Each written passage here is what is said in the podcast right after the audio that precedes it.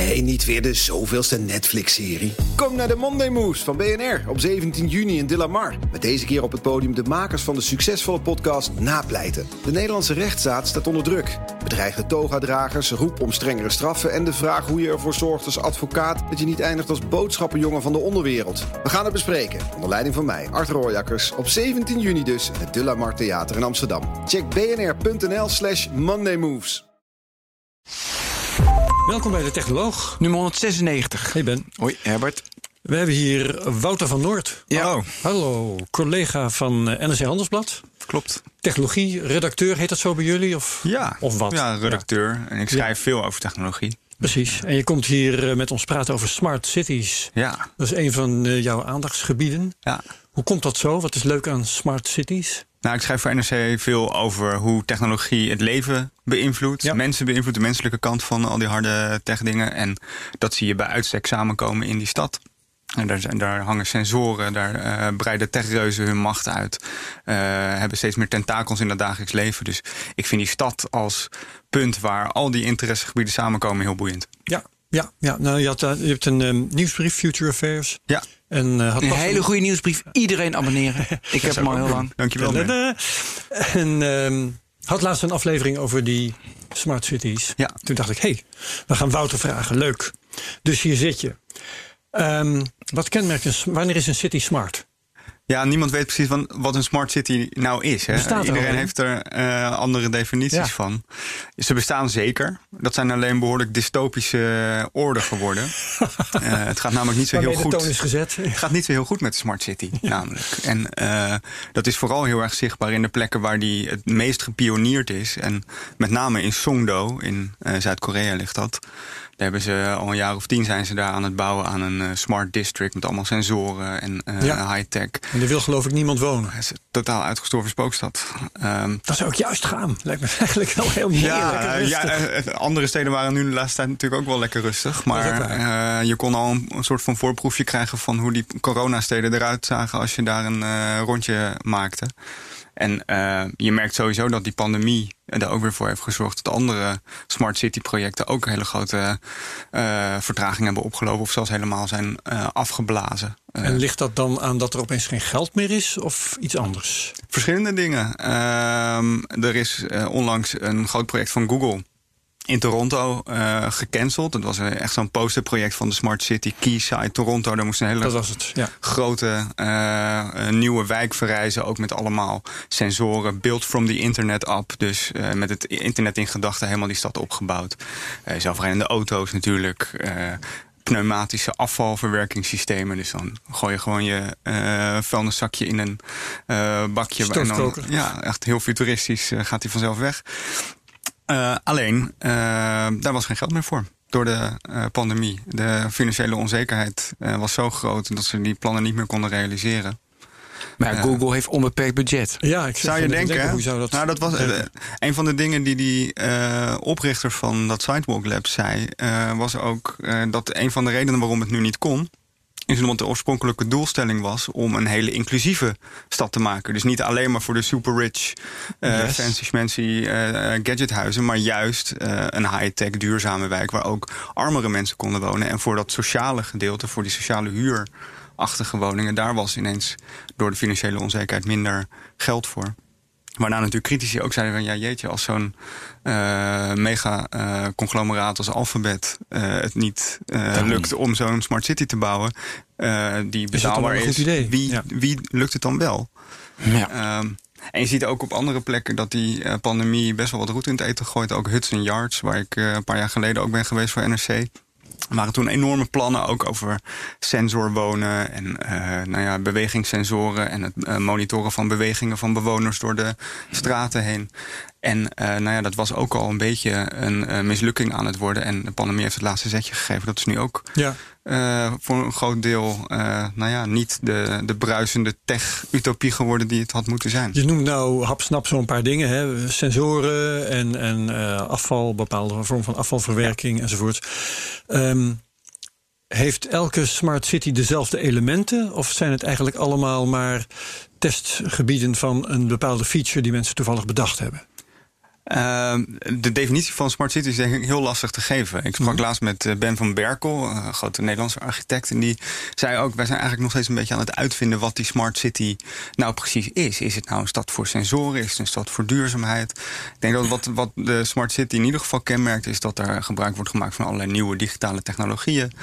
En de term living lab is nooit ver weg als het gaat over smart cities. Dus het is een soort levend Proeftuin. laboratorium, proeftuin voor technieken en nieuwe manieren van leven. Ja, dat- en is dat... Oh ja, nou dat vind ik wel jammer. Want ik- zat meer ook circulair, dat de stad circulair is. Ja.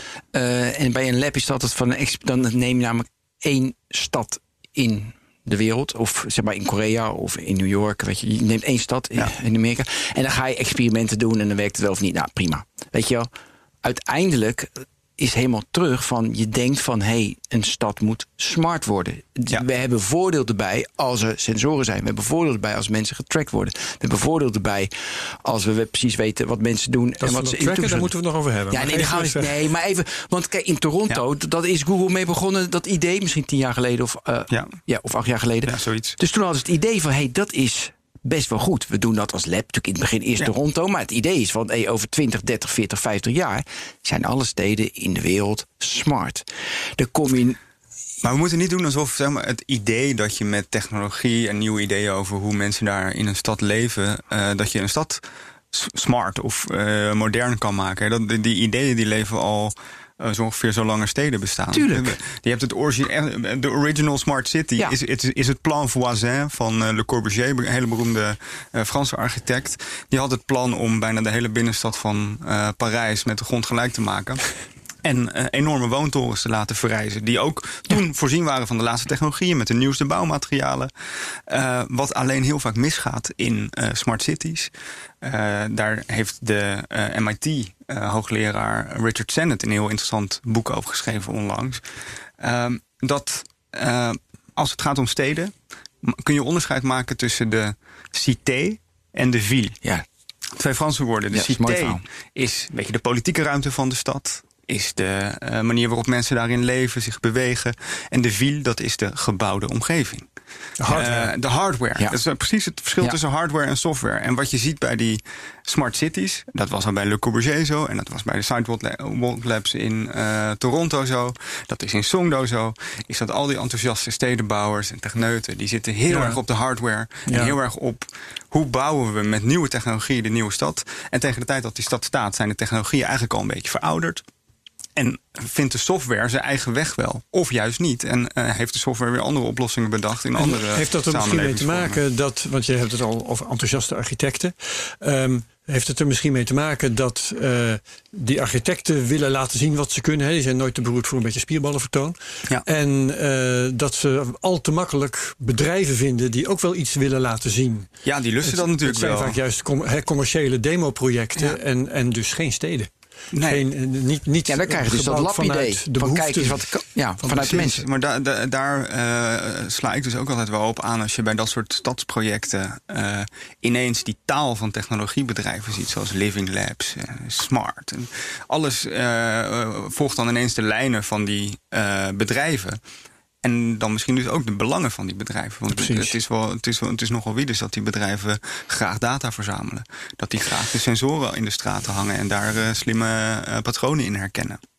Eh, Dus ja, het is zeker spierballenvertoon van techneuten, van techbedrijven. En je moet je volgens mij bij eh, elke smart city weer opnieuw de vraag stellen... eh, welke belangen dient die? En Ja. eh, is, komt het wel ten goede van de Nou, bewoners? dus daar zal ik nog wat over zeggen. Welke belangen? belangen dus van, van technologiebedrijven. Die vinden een demoproject altijd leuk. Belangen van architecten die ook graag willen laten Ja. zien wat voor nieuwe dingen. Belangen van politici bijvoorbeeld. Die Ja. dat ook geweldig vinden natuurlijk. Om, om een presentatie te houden en zich te verbi- verbinden met iets moderns. Zo kun je nog wel een lijstje afwerken. Dus dat dus een, een hele alliantie van mensen die belangen hebben die niet gelijk staan aan de belangen van de bevolking van een stad. Ja, Niet maar per se. Nee, Nee. maar dit. Kijk, ook Oh de technologiebedrijven en ook de overheden, die snappen heel goed dat het met de persoon die in die stad woont, dat het daarmee begint. Dus als, ja, toch? Nou, dat zou je denken, hè, maar dat, eh, wat, wat het interessante is... je maakt ook juist user journeys. Nee, Ehm, ik denk het niet. Nee, dat doen ze niet. Maar, nee, maar goed, dat weet Google echt wel hoor. Nee, maar zelfs met het maken van user journeys en het. eh, zelfs als je heel nauwkeurig bijvoorbeeld in kaart kan brengen met sensoren hoe een bewoner gebruik maakt van die stad. Dan probeer je misschien nog steeds te veel in technische patronen te vatten. Wat eigenlijk niet voorspelbaar is. Namelijk de ontwikkeling van een stad en de loop van een mensenleven in die stad. En dit is de denkfout die eh, eh, door de decennia heen meerdere malen is gemaakt. Nou ja, dat hele plan Voisin van Le Corbusier in Parijs is gelukkig niet doorgegaan. Dan was de hele binnenstad van Parijs plat gegaan. Maar zo'n stad als Brasilia in eh, Brazilië, de hoofdstad. Zo'n geplande hoofdstad. Ja. Ook een smart city in a way. Met brede avenues, overheidsgebouwen. Ja. Een beetje SimCity-achtig opgezet. Van eh, eh, een paar functies hier, een paar functies daar. En we bouwen een hele nieuwe eh, Brave New City. Is ook een spookstad. Dus de- wat er heel vaak misgaat bij, bij stedenplanning... en dat, dat zie je in de turbostand bij, bij smart cities... is precies dat. Dat eh, stedenplanners ervan uitgaan dat de ontwikkeling... het weerbarstige, eh, rommelige proces van stadsleven... Ja. te vatten is in nieuwe gebouwen, slimme sensoren, nieuwe hardware. Ja, weet je wat Oosterse filosofen zeggen? Dat daar op aarde, als je bijvoorbeeld in een nieuw land, als je daar iets bouwt, bijvoorbeeld in de Flevopolder, als je daar een nou, artificiële stad heb je dan, daar zit geen, geen gevoel van Ja. al die eeuwen dat daar Ja. aarde en mensen zijn. En daarom op Rome, weet je, heel veel laag heeft Ja. dat, want in Rome is een plek op aarde, die plek klopt. Dat vo- vond ik wel een, mooie. Dat voel je ook wel. Ik, Ja, ik ja, vind ik dat heel maar- herkenbaar. En misschien is het wel ook een beetje een romantisch beeld Ja, van de maar- stad en zo. Maar eh, het is niet voor niks dat jaren 30 woningen en die wijken zo populair zijn. Ja. Het is niet per se dat het op allerlei lagen is gebouwd. Maar daar zit iets eh, van eeuwigheidswaarde in wat zo'n nieuwe stad nog maar moet bewijzen. Ja.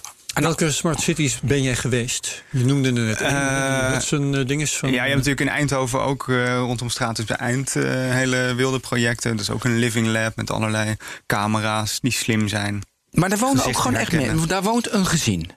Stratum Eind is echt een uitgaansgebied. Maar noem dus, eens. eh, oh, nou, oké. dat is. Hudson straks. Yards, daar was ik toen het in de Ja, doe aanbouw maar even. was. Ja, doe maar, nee, maar, Maar, doe even een stad waar je was waar gezin woonde. Eh, En beschrijf ja, maar daar ben ik niet geweest. Ik, eh, wat, eh, veel van die districten, dat zijn ook een beetje zakelijke districten. En waar je, als je daar rondloopt...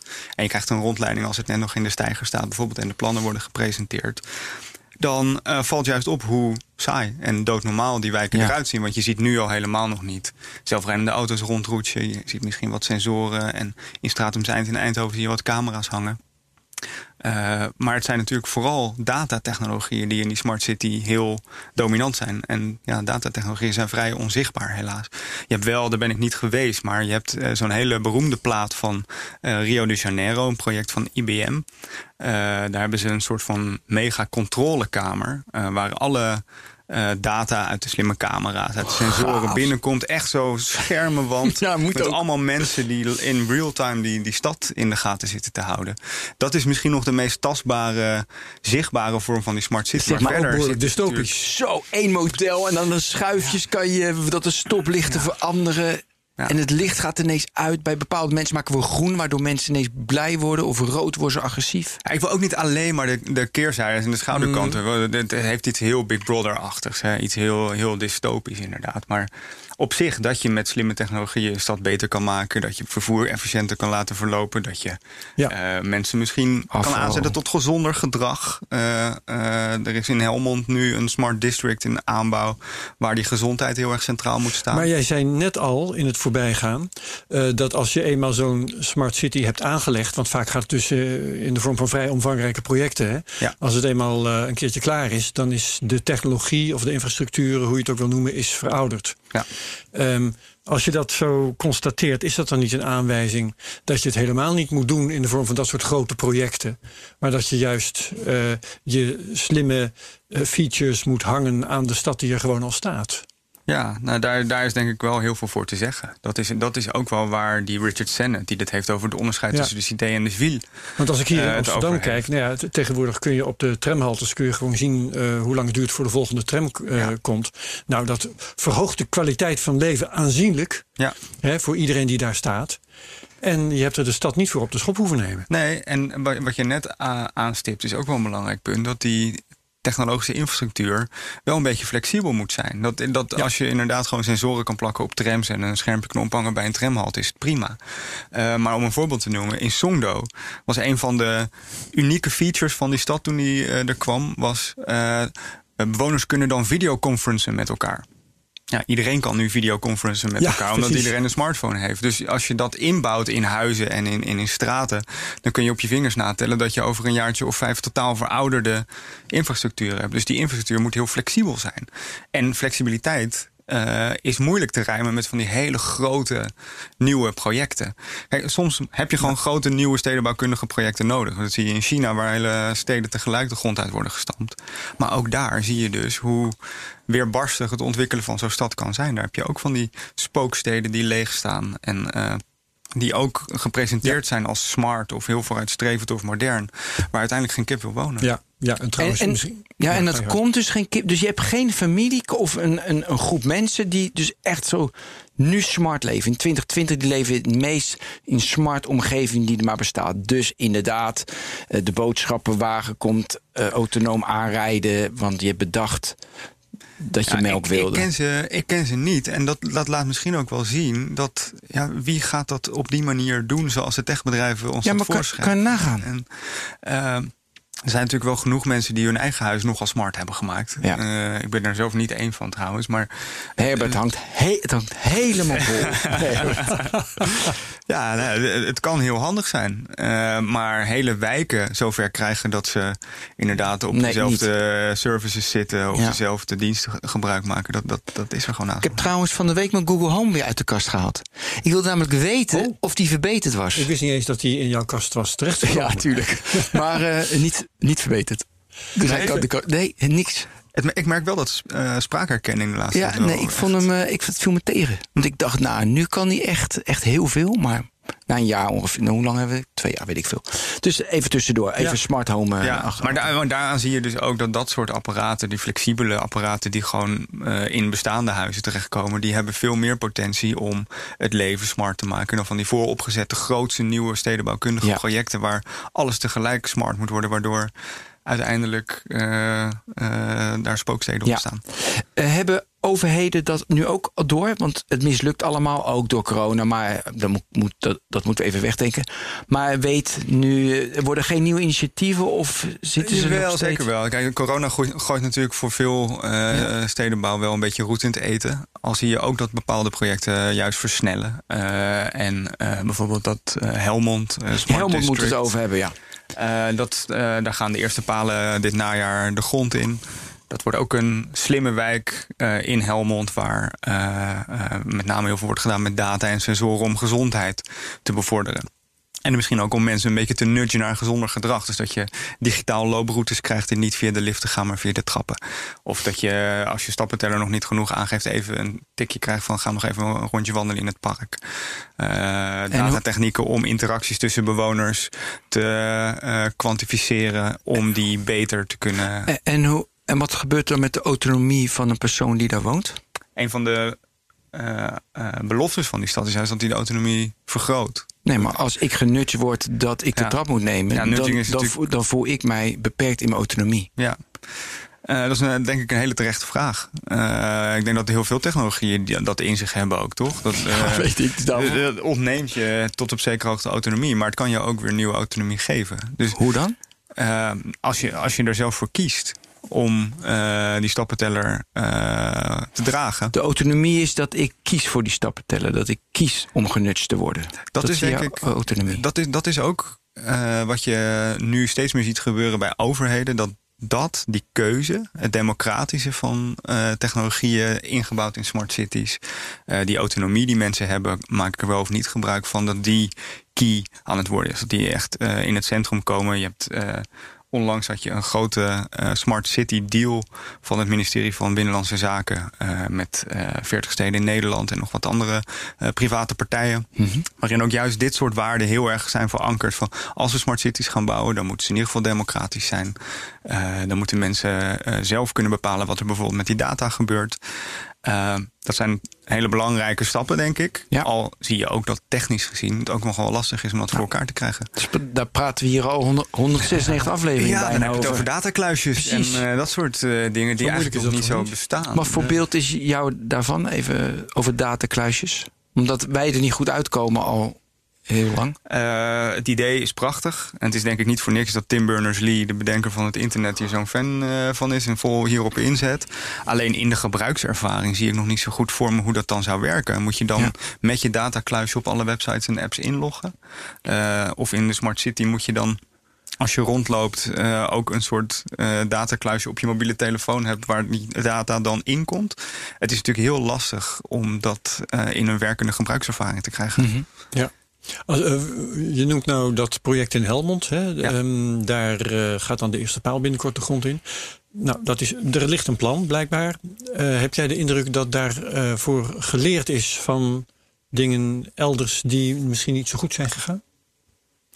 Ja, die indruk heb ik wel. Ik sprak met eh, Ben van Berkel, dus degene die daar de, de hoofdarchitect is van het programma. Eh, die heeft ook net een grote leerstoel bekleed aan Harvard. Waar die precies dit soort vragen ook heeft uitgeplozen. En met name rondom technologie, gezondheid. Ehm, wat je alleen wel merkt, is dat op een of andere manier hebben ook de- ook, heeft ook dit project weer in zich dat er eh, de ambities zijn heel groot, de plannen zijn heel groot, die worden ook snel toch weer redelijk tech-centrisch. Die gaan toch over wat technologie Want men wil wat kan laten doen. zien. Het wordt een posterproject. Eh, en dat botst natuurlijk weer meteen met eh, het, de- de- het decentrale karakter van hoe een stad zich ontwikkelt, versus het centrale karakter van hoe zo'n nieuwe wijk ontwikkeld wordt. Ja, dus eigenlijk zou je. Kijk, dat je die gebouwen neer moet zetten, klopt. Maar die gebouwen, zeg maar, wat voor, wat voor digitale technologie je erin hangt, inbouwt, dat moet super flexibel zijn. En dat moet ondersteunend zijn hoe een stad zich, hoe de mensen zich ontwikkelen in de stad. Ja. En nu is het te veel ingebed in de stenen. In De stenen, de hardware, Ja, in de de- hardware, de- in de ja. atomen, in, ja, in de Ja, hardware. En daardoor lukt het dus niet. Nou, wacht even, er schiet me iets te binnen. Hè? Want eh, steden uit de grond stampen. Ja, jij noemde Brazilië ook al. Hè? Dat is in feite decennia geleden dat dat Ja. Ehm, maar in Nederland hebben we de Bijlmer gehad. En Almere. Precies. Dus als een... Ja, zou jij daar willen wonen? Woon je er? Nee, maar dat wou ik nog net gaan zeggen. Eh, als een stad zich zodanig ontwikkelt, of een deel van de stad, dat je er eigenlijk niet wil wonen, dan hoeft dat niet te liggen aan de technologie. Hoeft het niet te liggen aan het feit dat die smart is. Dat is dan eigenlijk misschien maar een bijzaak. Ja, ja dat Ja. klopt. Eh, eh, maar dat betekent dus ook dat die bijzaak op een gegeven moment eh, zo dominant kan worden dat de hele plan waarmee zo'n wijk uit de grond wordt gestampt eh, niet meer uitkomt. Dat, eh, je hebt ook bepaalde tuinsteden eh, hier in Amsterdam die ook een beetje zijn verpauperd, waarbij het oorspronkelijke idee van het opbouwen van een hele fijne groene buurt, dat dat ja, gewoon in de loop van de jaren verbrokkelt tot iets anders. Ja, Nou, maar het- dat betekent dan dat dus de, de demonstreren van technologie, eh, als dat mee mislukt, dan betekent dat dus nog niet dat daar iets mee aan de hand is. Ik probeer Nee. even de vinger Ja, te leggen op ja, ja. eh, of, of, of het smart zijn nou eigenlijk een probleem is, ja of nee. Snap je? Ja, het smart zijn hangt heel erg samen met een te rigide idee over wat eh, stadsplanning is. Ja. Dat je dus eh, door, van te, eh, door van tevoren met een blauwdruk en een mooie brainstorm sessie met ambtenaren, technologiebedrijven eh, en bewoners een toekomstvisie kunt schetsen van hoe een stad eruit komt te zien. Terwijl een stad per definitie weer barstig, rommelig, eh, zichzelf ontwikkelt en ook nou ja, met Je name hebt modulaire organisch. steden nodig. Ja, organisch modulaire steden nodig. Met, eh, dus met containers die je kan. Nou, containers bedoel ik wel mooie gebouwen. Die, eh, die aanpasbaar zijn en kunnen veranderen. Dus hoe je zeg maar, software bouwt, hoe je technologie bouwt. Dat moet eigenlijk ook in de hardware steeds meer. We hebben die uitzending gehad over manufacturing, smart manufacturing. Ja. Nou, ja, daar zie je, je, in manu- proberen ze dat wel Ja. met containers en, en alles flexibel. Dat is een element. En voor mij is het ook zo. Ik kijk nu naar dat gebouw. Ja, dat ziet niemand. Maar ja, om, wel onze, nee, onze 53 kijkers ook niet. Kijk, het probleem is natuurlijk ook van die architecten. Die, hebben, ze- die, die zijn opgeleid. Die, die zitten natuurlijk in een niche zijn ze opgeleid. Dan zetten ze een basis neer in Almere, in Brazilië, ja, hier aan de overkant. Dat gewoon lelijk, dat gewoon lelijk is. Die zijn niet uitgegaan van de universele esthetiek die een mens ook heeft. Ja, ik doe expres forceer ik een beetje. En als je, dus als je daar meer van uitgaat en dan dat modulair neerzet en vervolgens wel de technologie snel kan aanpassen, dan ben je volgens mij. De bedoelingen zijn denk ik nooit slecht van, van, van stedenbouw. Eh, ze, ze gaan gewoon op een gegeven moment de verkeerde kant op. En waar gaan ze de verkeerde kant op?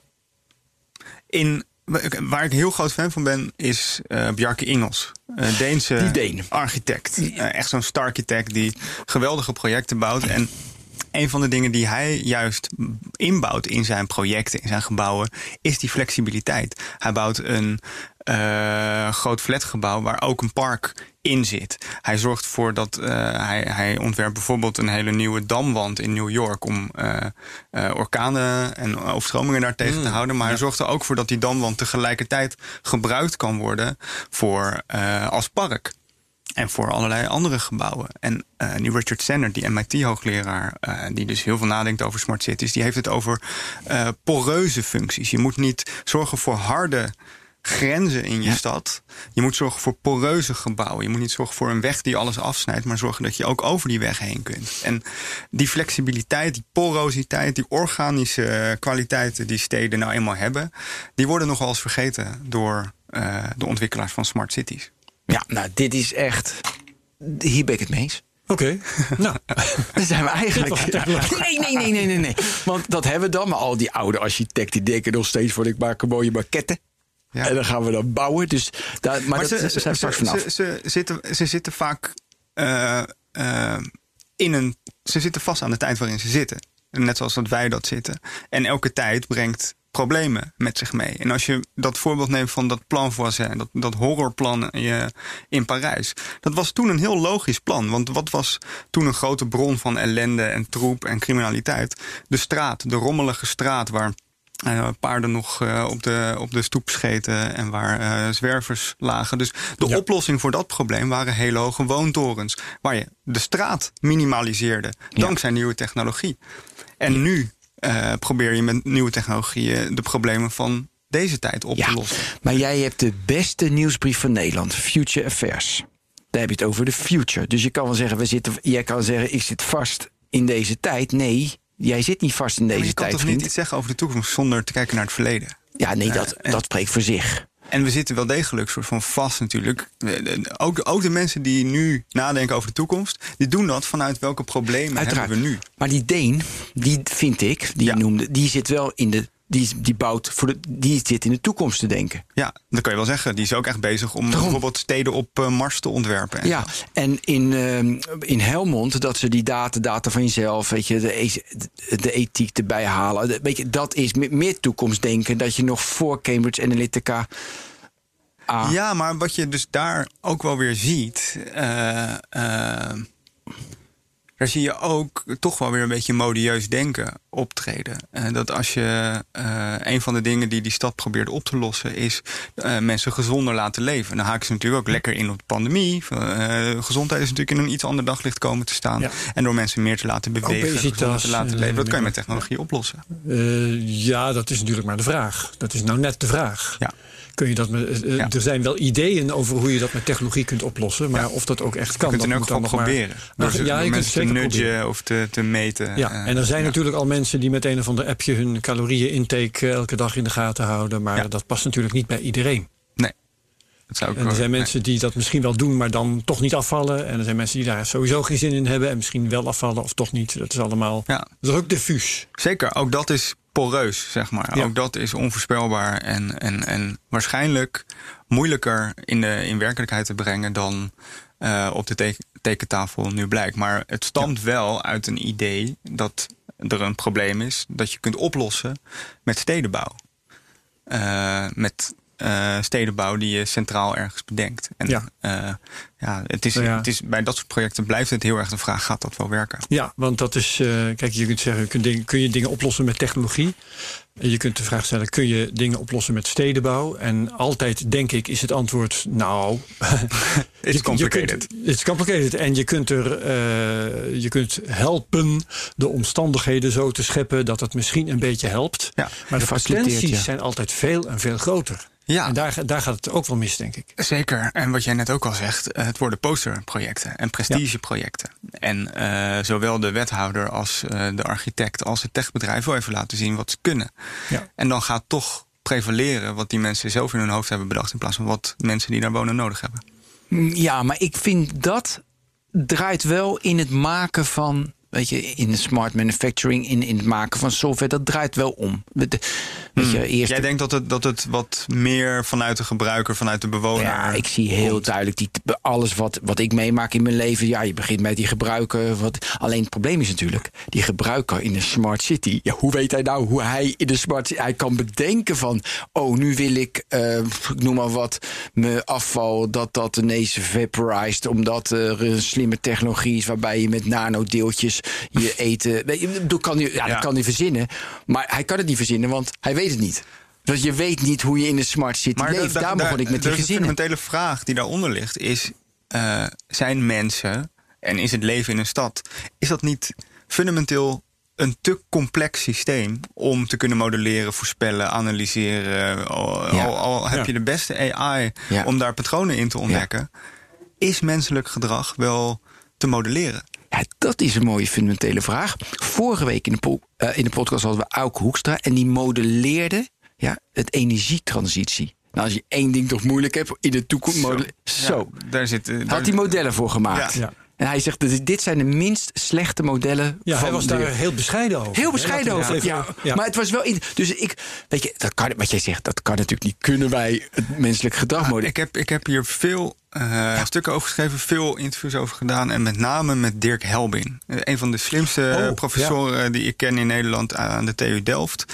Eh, complexe systemen. Ja. Ja. Eh, hij heeft op een gegeven moment geprobeerd Een Duitser, om. geloof ik. Ja, Duitser, toch? Ja, Ja, Duitser. Duitser. Hij heeft op een gegeven moment geprobeerd om een Spreekt soort... hij Nederlands? Nee. Nee, dat is voor de podcast. Jammer. eh, Ah, jammer. Ja, want ik heb veel over hem gelezen. Ja, maar het is ik, ja, want ik lees jouw ontzettend stukken. Dus, interessante, ja, vertel. We doen het wel via Google Translate.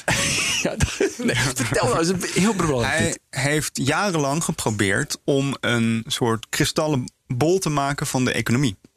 En was ervan overtuigd dat kan. Als je complexiteit zo goed in kaart brengt en je gooit er wat eh, AI tegenaan, dan zou je in theorie een soort eh, crystal ball moeten kunnen maken van de hele economie.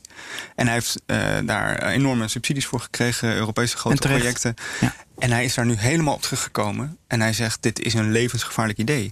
Dit is een idee wat potentieel totalitair werkt. En waarom Leuk is het dat zo? iemand zijn eigen Ja, Ja. ja, eh, hij, zit dus, hij, hij is ook heel open over dat proces. hobby weet te ontkrachten en Ja, dan ook. Maar wat hij, de kern van zijn argument is: het is te ingewikkeld. En elk model wat je daarop bouwt, hoe goed dat model ook is, is verkeerd. En omdat dat model dan leidend wordt ten opzichte van de weerbarstige complexe werkelijkheid, probeer die werkelijkheid in een malletje te duwen. En dat is niet democratisch, dat, is niet, dat werkt niet. Dat en dat, leidt tot totalitaire tendensen. Ja, maar wat natuurlijk interessant is, wat ik van, eh, van Auke vorige week leerde, vond ik zo mooi, dat hij zei van nee, het geeft je inzicht. Je kan ermee spelen. Het geeft je richting.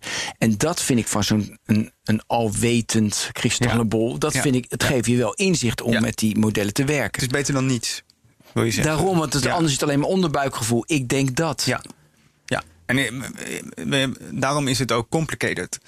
Wat technologie en de gebouwde omgeving en stedenplanning kan doen. Eh, het is natuurlijk niet niks. Anders, eh, als het, als het niks was, dan, zaten we nog in leme hutjes. En stedenbouw en plannen daarover, die kunnen wel degelijk groot verschil maken. En grote stedenbouwkundige projecten kunnen ook slagen. Eh, In Nederland? Kijk, nou, kijk, kijk, het, het, het, wel hele megalomane project in Parijs, het plan Haussmann, Ja, waardoor de grote ja. boulevards zijn aangelegd en Prachtig. zo.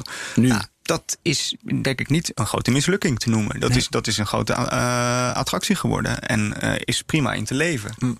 Ja, dus het kan wel, alleen ook, zo, ook zulke plannen die drijven op de tekentafel. En dat moet, dan moet die werkelijkheid zich daar wel naar voegen. Ja. Ja, hier zijn hier, eh, twee, twee scenario's. Hè. Eén is. Want, want het ging daarnet over, eh, over afval eh, storten. Eh, hoe, hoe, begin ik, hoe begin ik dit betoog? Ik herinner me een tijd dat uh, een, een uh, kennis van mij tegen me zei: ik heb, ik heb het nou eindelijk goed gedaan. Ik uh, heb een nieuw huis betrokken. En ik ben helemaal klaar voor de toekomst. Want ik heb behalve stopcontacten, ik heb ook naast elk stopcontact heb ik een, een stopcontactje voor Ethernet. In elke kamer heb ik nu internet en mij kan niks meer gebeuren. Ja. Nou, ik zie jullie al lachen. Tegenwoordig heeft iedereen wifi. Het is volstrekt ja. onnodig om dat te hebben. Als ik dat dan bijvoorbeeld toepas op um, afvalstortkokers. Nou, je kunt zeggen, we gaan die afvalstortkokers aanleggen. En uh, dan kom je er misschien achter dat in de niet al te verre toekomst... dat we zo weinig, door allerlei uitvindingen zo weinig afval genereren... dat je denkt van hadden we dat nou maar niet gedaan. Het kost maar ruimte en het is gevaarlijk en weet ik wel. Aan de andere kant, ik kan me net zo goed een toekomst voorstellen... Uh, dat je uh, die stortkoker niet hebt gemaakt... Ja.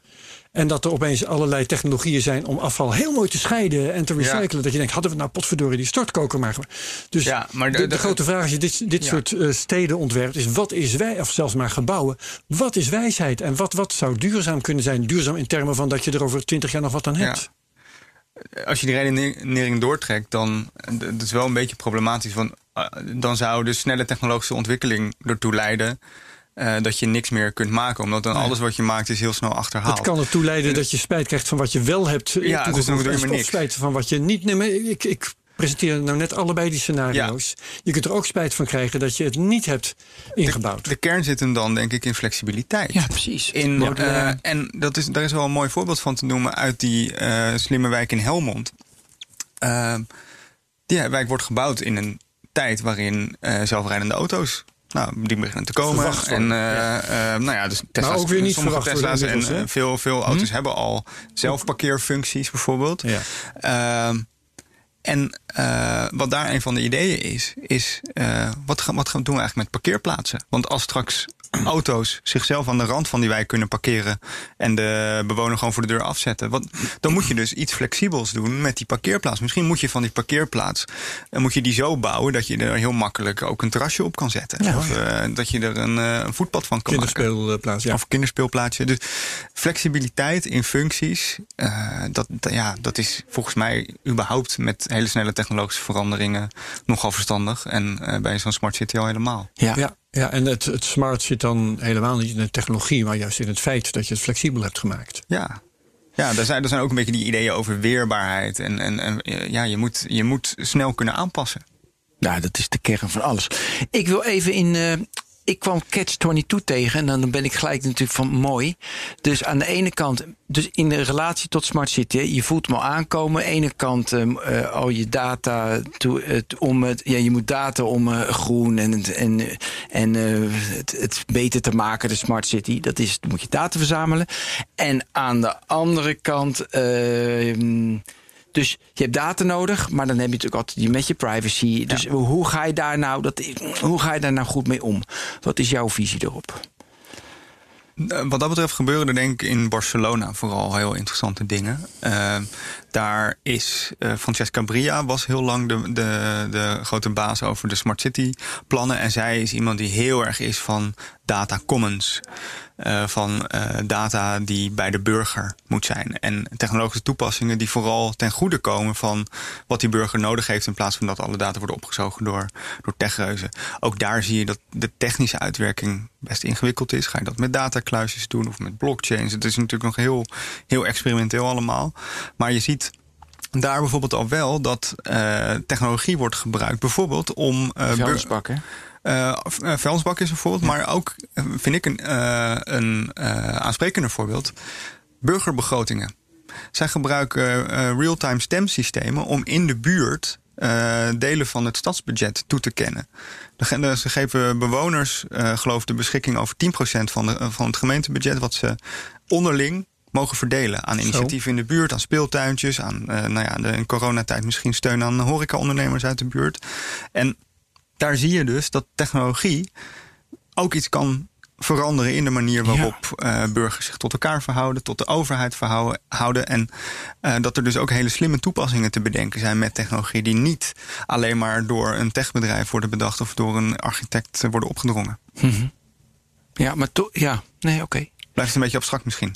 Nee, omdat het namelijk, dit is best wel een fundamentele vraag. Die ik ook gewoon heb buiten, buiten de smart city. Weet je, Ja. alles is tegen. Maar dan heb je data nodig. En naar mijn idee is dat hele businessmodel met, eh, met de surveillance capitalism, met weet je, vanaf Ten eh, dode opgeschreven. ten dode opgeschreven. De, nee, ja, naar mijn idee wel. Weet je, de- dus dat, en dat is natuurlijk ook met de smart city.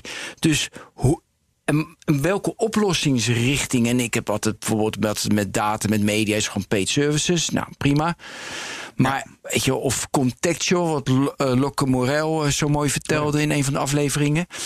Wat vertelden ze daar? Eh, zij vertelde dat eh, met dat, dat, weet je wel, niet datamijnen met advertenties en vol- volgen met cookies. Die zei alleen, die had in haar onderzoek dat contextual advertenties minimaal even goed zijn, heel goed werken, veel geld Dus je hebt die data niet nodig. Je, Dus je hebt de data eh, niet nodig. Adverteren bij Ja. wat er op de pagina staat. Nou, in plaats ik van zie daar ook wat wel je weet grote- van de bezoeker. Ik zie ook wel een grote rol voor regulerende instanties in Europa. En eh, je ziet dus nu al dat het ministerie van Binnenlandse Zaken zich heel eh, actief aan het bemoeien is met welke grondbeginselen moet zo'n slimme stad nou aan Ja. voldoen.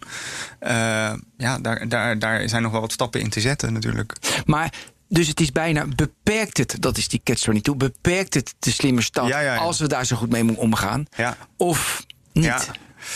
Ehm, dat is een hele goede vraag. Die, Nou, dank u wel. Maar- Hè, en, hij raakte aan, Ik deed- hij, hij raakte aan eh, misschien wel een van de belangrijkste vragen over de digitale toekomst in Europa, denk tuurlijk. ik. Want het, het, het gaat erom, eh, gaan we dit bijvoorbeeld winnen van China?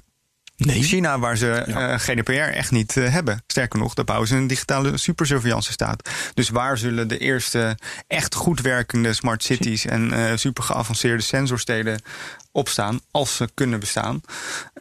Dan is dat China.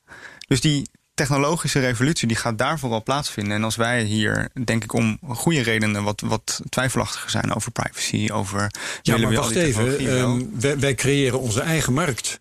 Als eh, Hmm. China eh, voor de Chinese omstandigheden een zo smart mogelijke stad ontwerpt, dan bevat die producten die eh, verbonden zijn met die vorm van surveillance die ze daar willen hebben. Ja. Dat betekent Ja. automatisch dat als wij die vorm van surveillance afwijzen, dat die oplossingen voor hun niet bij ons gaan werken.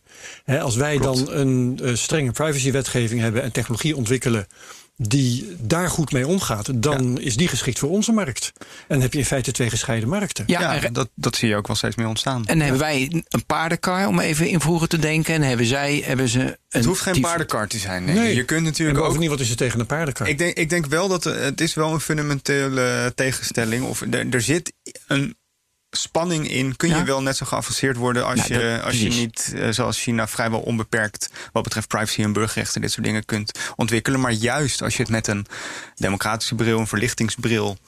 eh, ontwikkelt. En dan, krijg je, dan zit je te denken over termen zoals data commons, Mhm. zoals eh, datakluizen, zoals gewoon echt inclusieve democratische toepassingen van technologie, zoals bijvoorbeeld die burgerbegrotingen. Dan kan er natuurlijk een heel nieuw soort smart city ontstaan. Een Ja. Europees smaakje smart city, wat niet een domme stad is, maar wat ook niet zo supercharged is als de Chinese steden. Het is dan andere technologie, maar het kan net zo goed technologie zijn, Precies. lijkt mij. Nu we het toch over China hebben, Tencent die is er ook bezig met een smart city. Ja, die willen een smart city eh, maken bijna helemaal zonder auto's. Net city. Oh, In- oh ik dacht als. Dat is Fortnite. nou weer een uitstekend idee. Eh, ik dacht als Fortnite. Maar...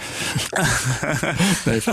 Nou, de, de, je hebt altijd van die hele mooie renderings van die smart cities. En dit heeft zeker iets game-achtigs hoor. Ja. Maar dit is, is wel een eh, hele interessante eh, slimme stad. Waar ze dus gaan proberen de auto helemaal uit te bannen. Ook dankzij nieuwe technologieën en het voet, voetgangervriendelijk maken van eh, stukken.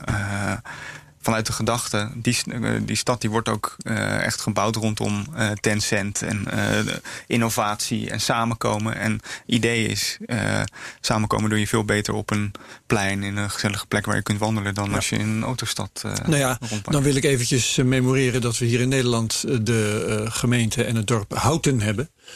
waar ik een tijd heb gewoond. Ja, En dat is eh, ooit uit. Het, het was ooit een dorp van 3000 inwoners. En toen hebben ze er 30.000 van gemaakt. En later nog weer veel meer.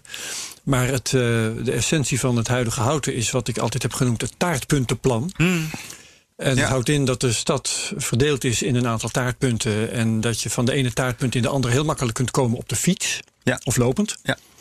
Maar wil je motorvoertuigen gaan gebruiken, dan zul je toch eerst je taartpunt uit moeten en buitenom ja. naar de taartpunt waar. En dat creëert een fantastische, kleinschalige en stille, rustige sfeer. Ja. En daar heb je helemaal geen technologie voor nodig.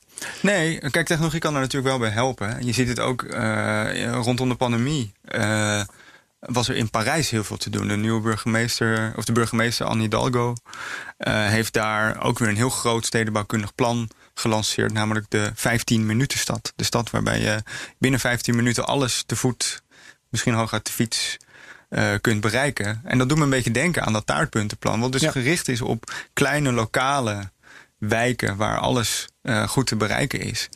Maar goed, je kunt ook misschien wel bedenken dat je daar wat, wat nieuwe technologieën bij kan gebruiken. Ja, nou goed, eh, Tencent deed mij daaraan denken. Ja.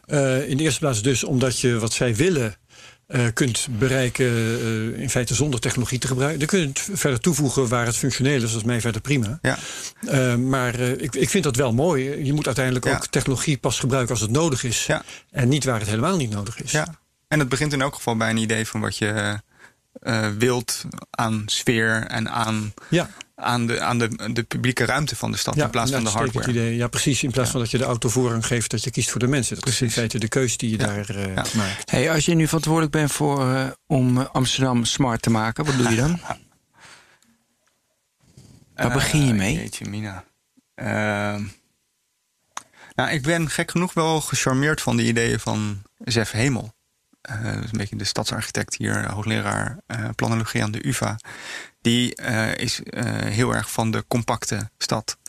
Ja, hij zegt, ja, je kunt wel willen dat je je stad uitsmeert... en dat iedereen lekker in de buitenwijken eh, gaat wonen... maar uiteindelijk willen mensen in de stad. En ontkom je er dus waarschijnlijk niet aan om ook wat torens te bouwen. En om bijvoorbeeld toeristengebieden te creëren. Zijn plan is om in, rondom Amsterdam-Zuid een eerste corridor te bouwen waar je toeristen eh, ontvangt. Met misschien een, eh, een eh, vervanging van de wallen, met misschien een vervanging van het Leidseplein.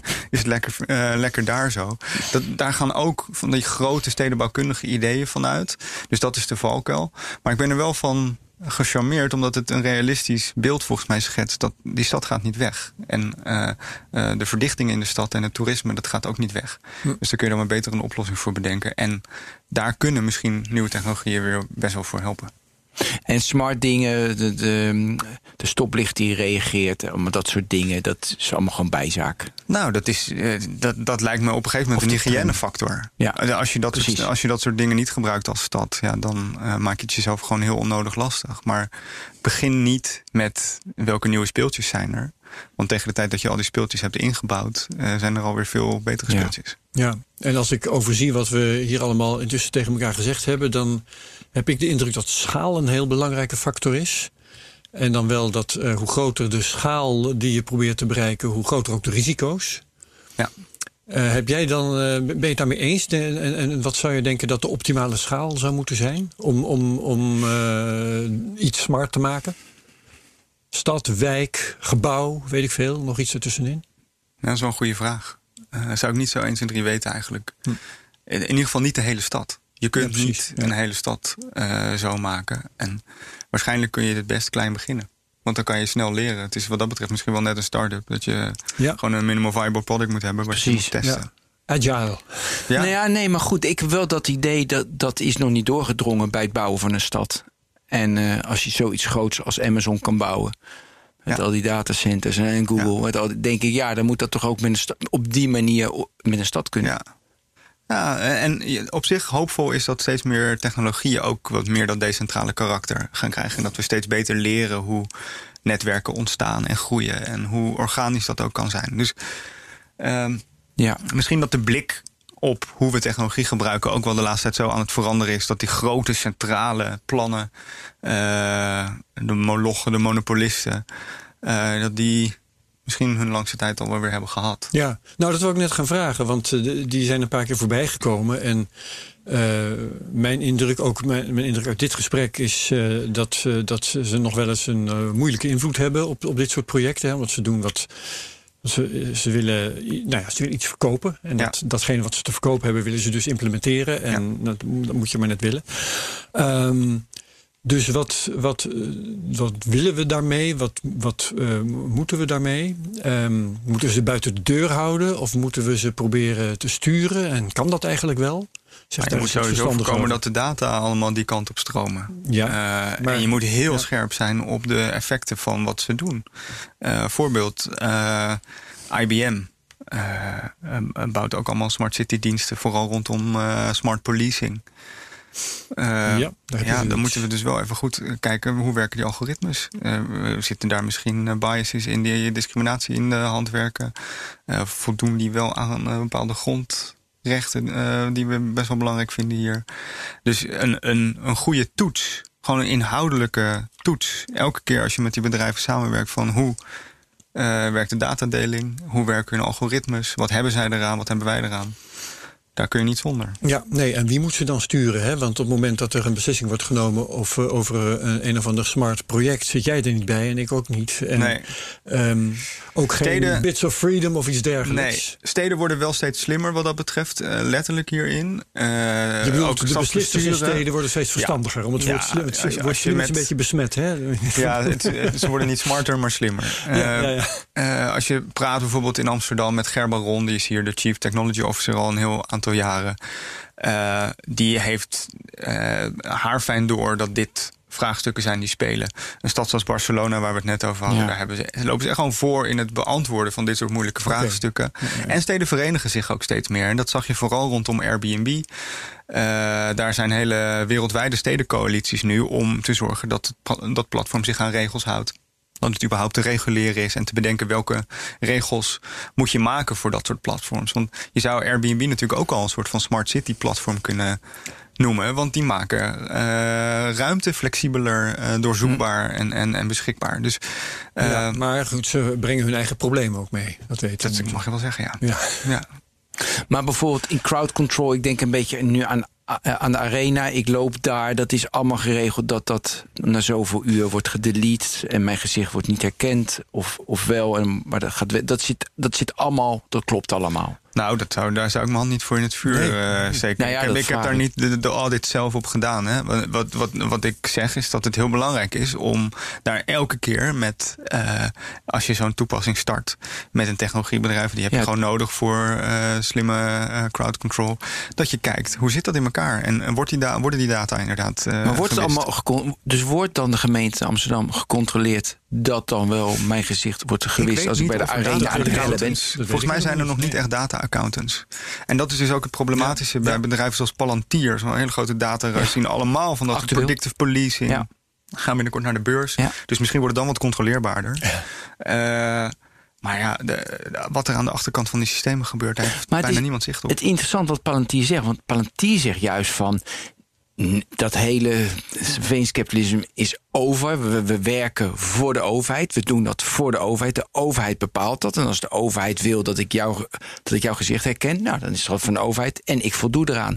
Maar ik ga helemaal niks met je data doen... want ik werk in opdracht van de overheid. Ja, maar Zo- tegelijkertijd heeft de CEO nog een paar jaar geleden gezegd dat de aard van wat ze doen zich niet liet rijmen met een beursgang, omdat je nog veel te transparant moest zijn.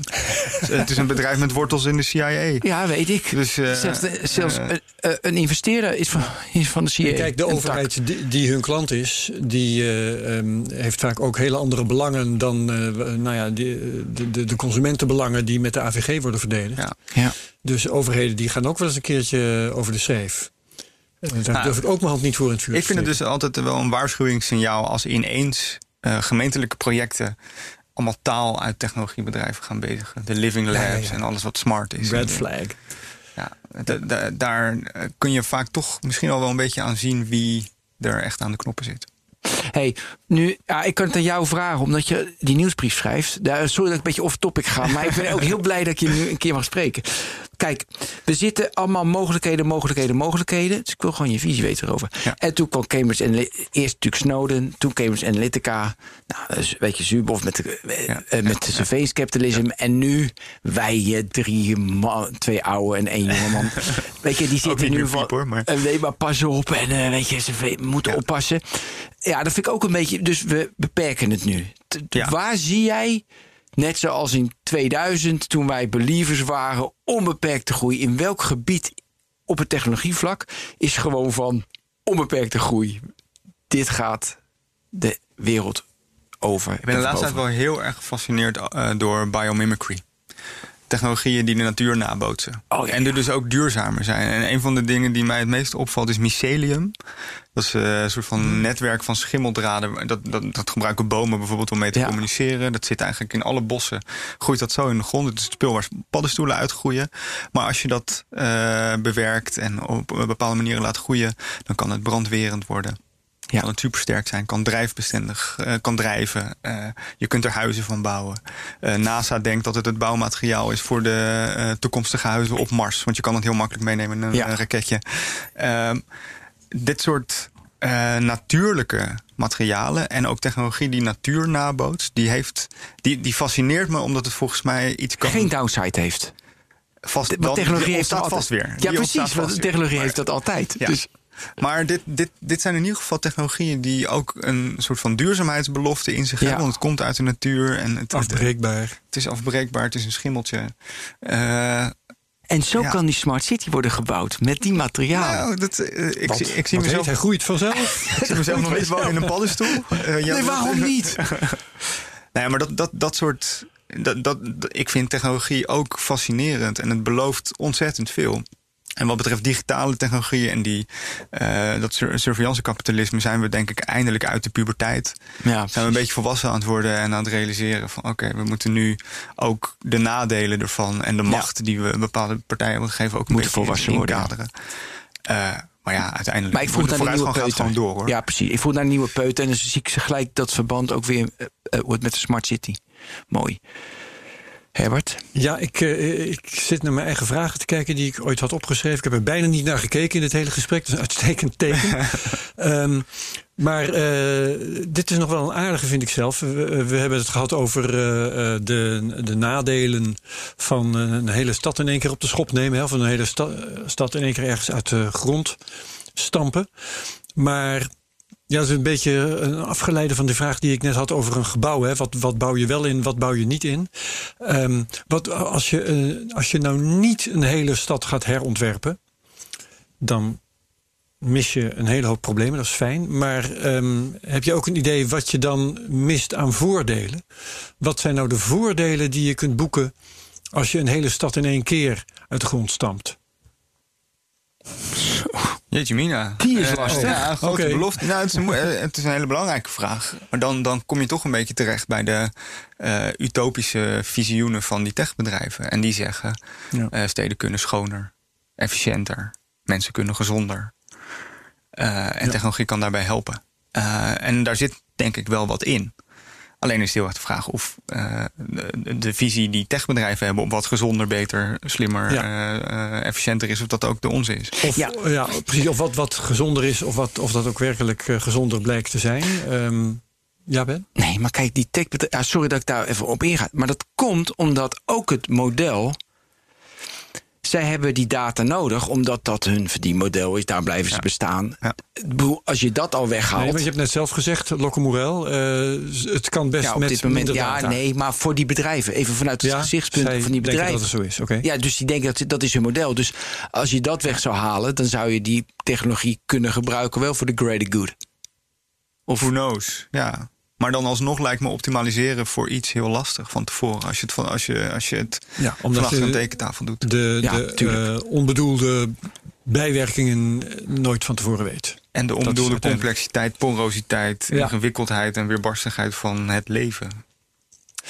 Nee, ik zat ook te denken. Kijk, wat is de nummer één stad, prettigste stad in de wereld om te wonen? Weten jullie dat uit jullie hoofd? En is dat vast in Zwitserland? Nee, Zo- Melbourne is Oh. Melbourne. Oké, En en er dan staat- staat per persoon toch verschillen. Maar goed, Nee, ja, het is gewoon wereldwijd onderzoek heel groot. En Vancouver staat geloof ik al als vierde, ja. maar dan regent het altijd, dat snap ik niet. En eh, Wenen staat er in de top drie. Nou, hartstikke leuk.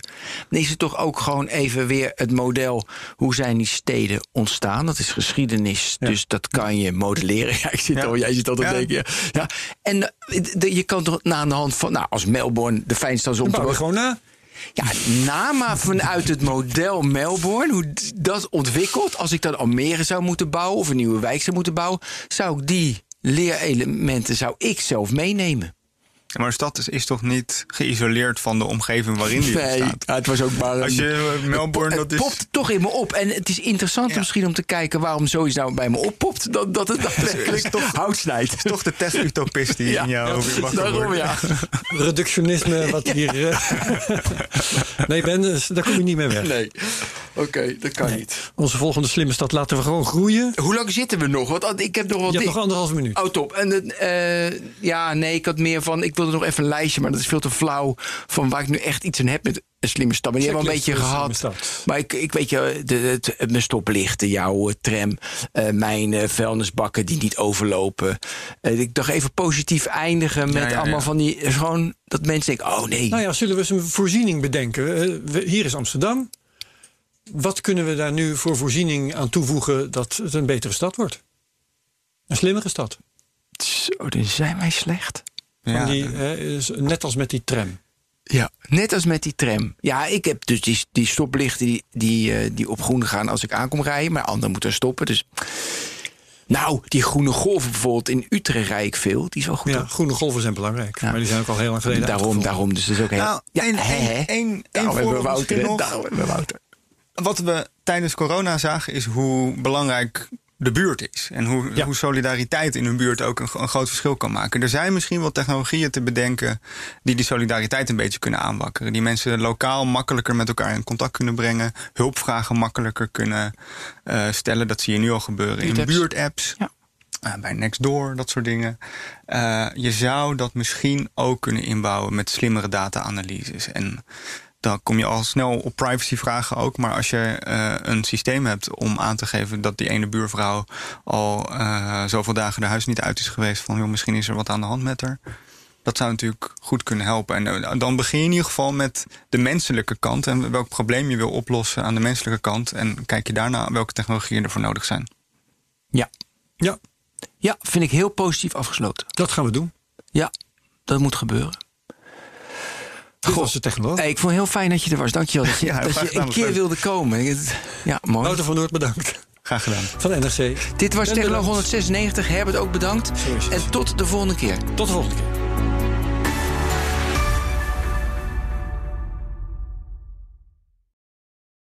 Ook Liesbeth Staats vind je in de BNR-app. Ja, heel handig. Luister live naar Kees en mij tijdens de Daily Move. Dan blijf je ook gelijk op de hoogte van breaking news en het laatste zakelijke nieuws. En daar vind je ook alle BNR-podcasts, waaronder de Perestrooikast. Download nu de gratis BNR-app en blijf scherp.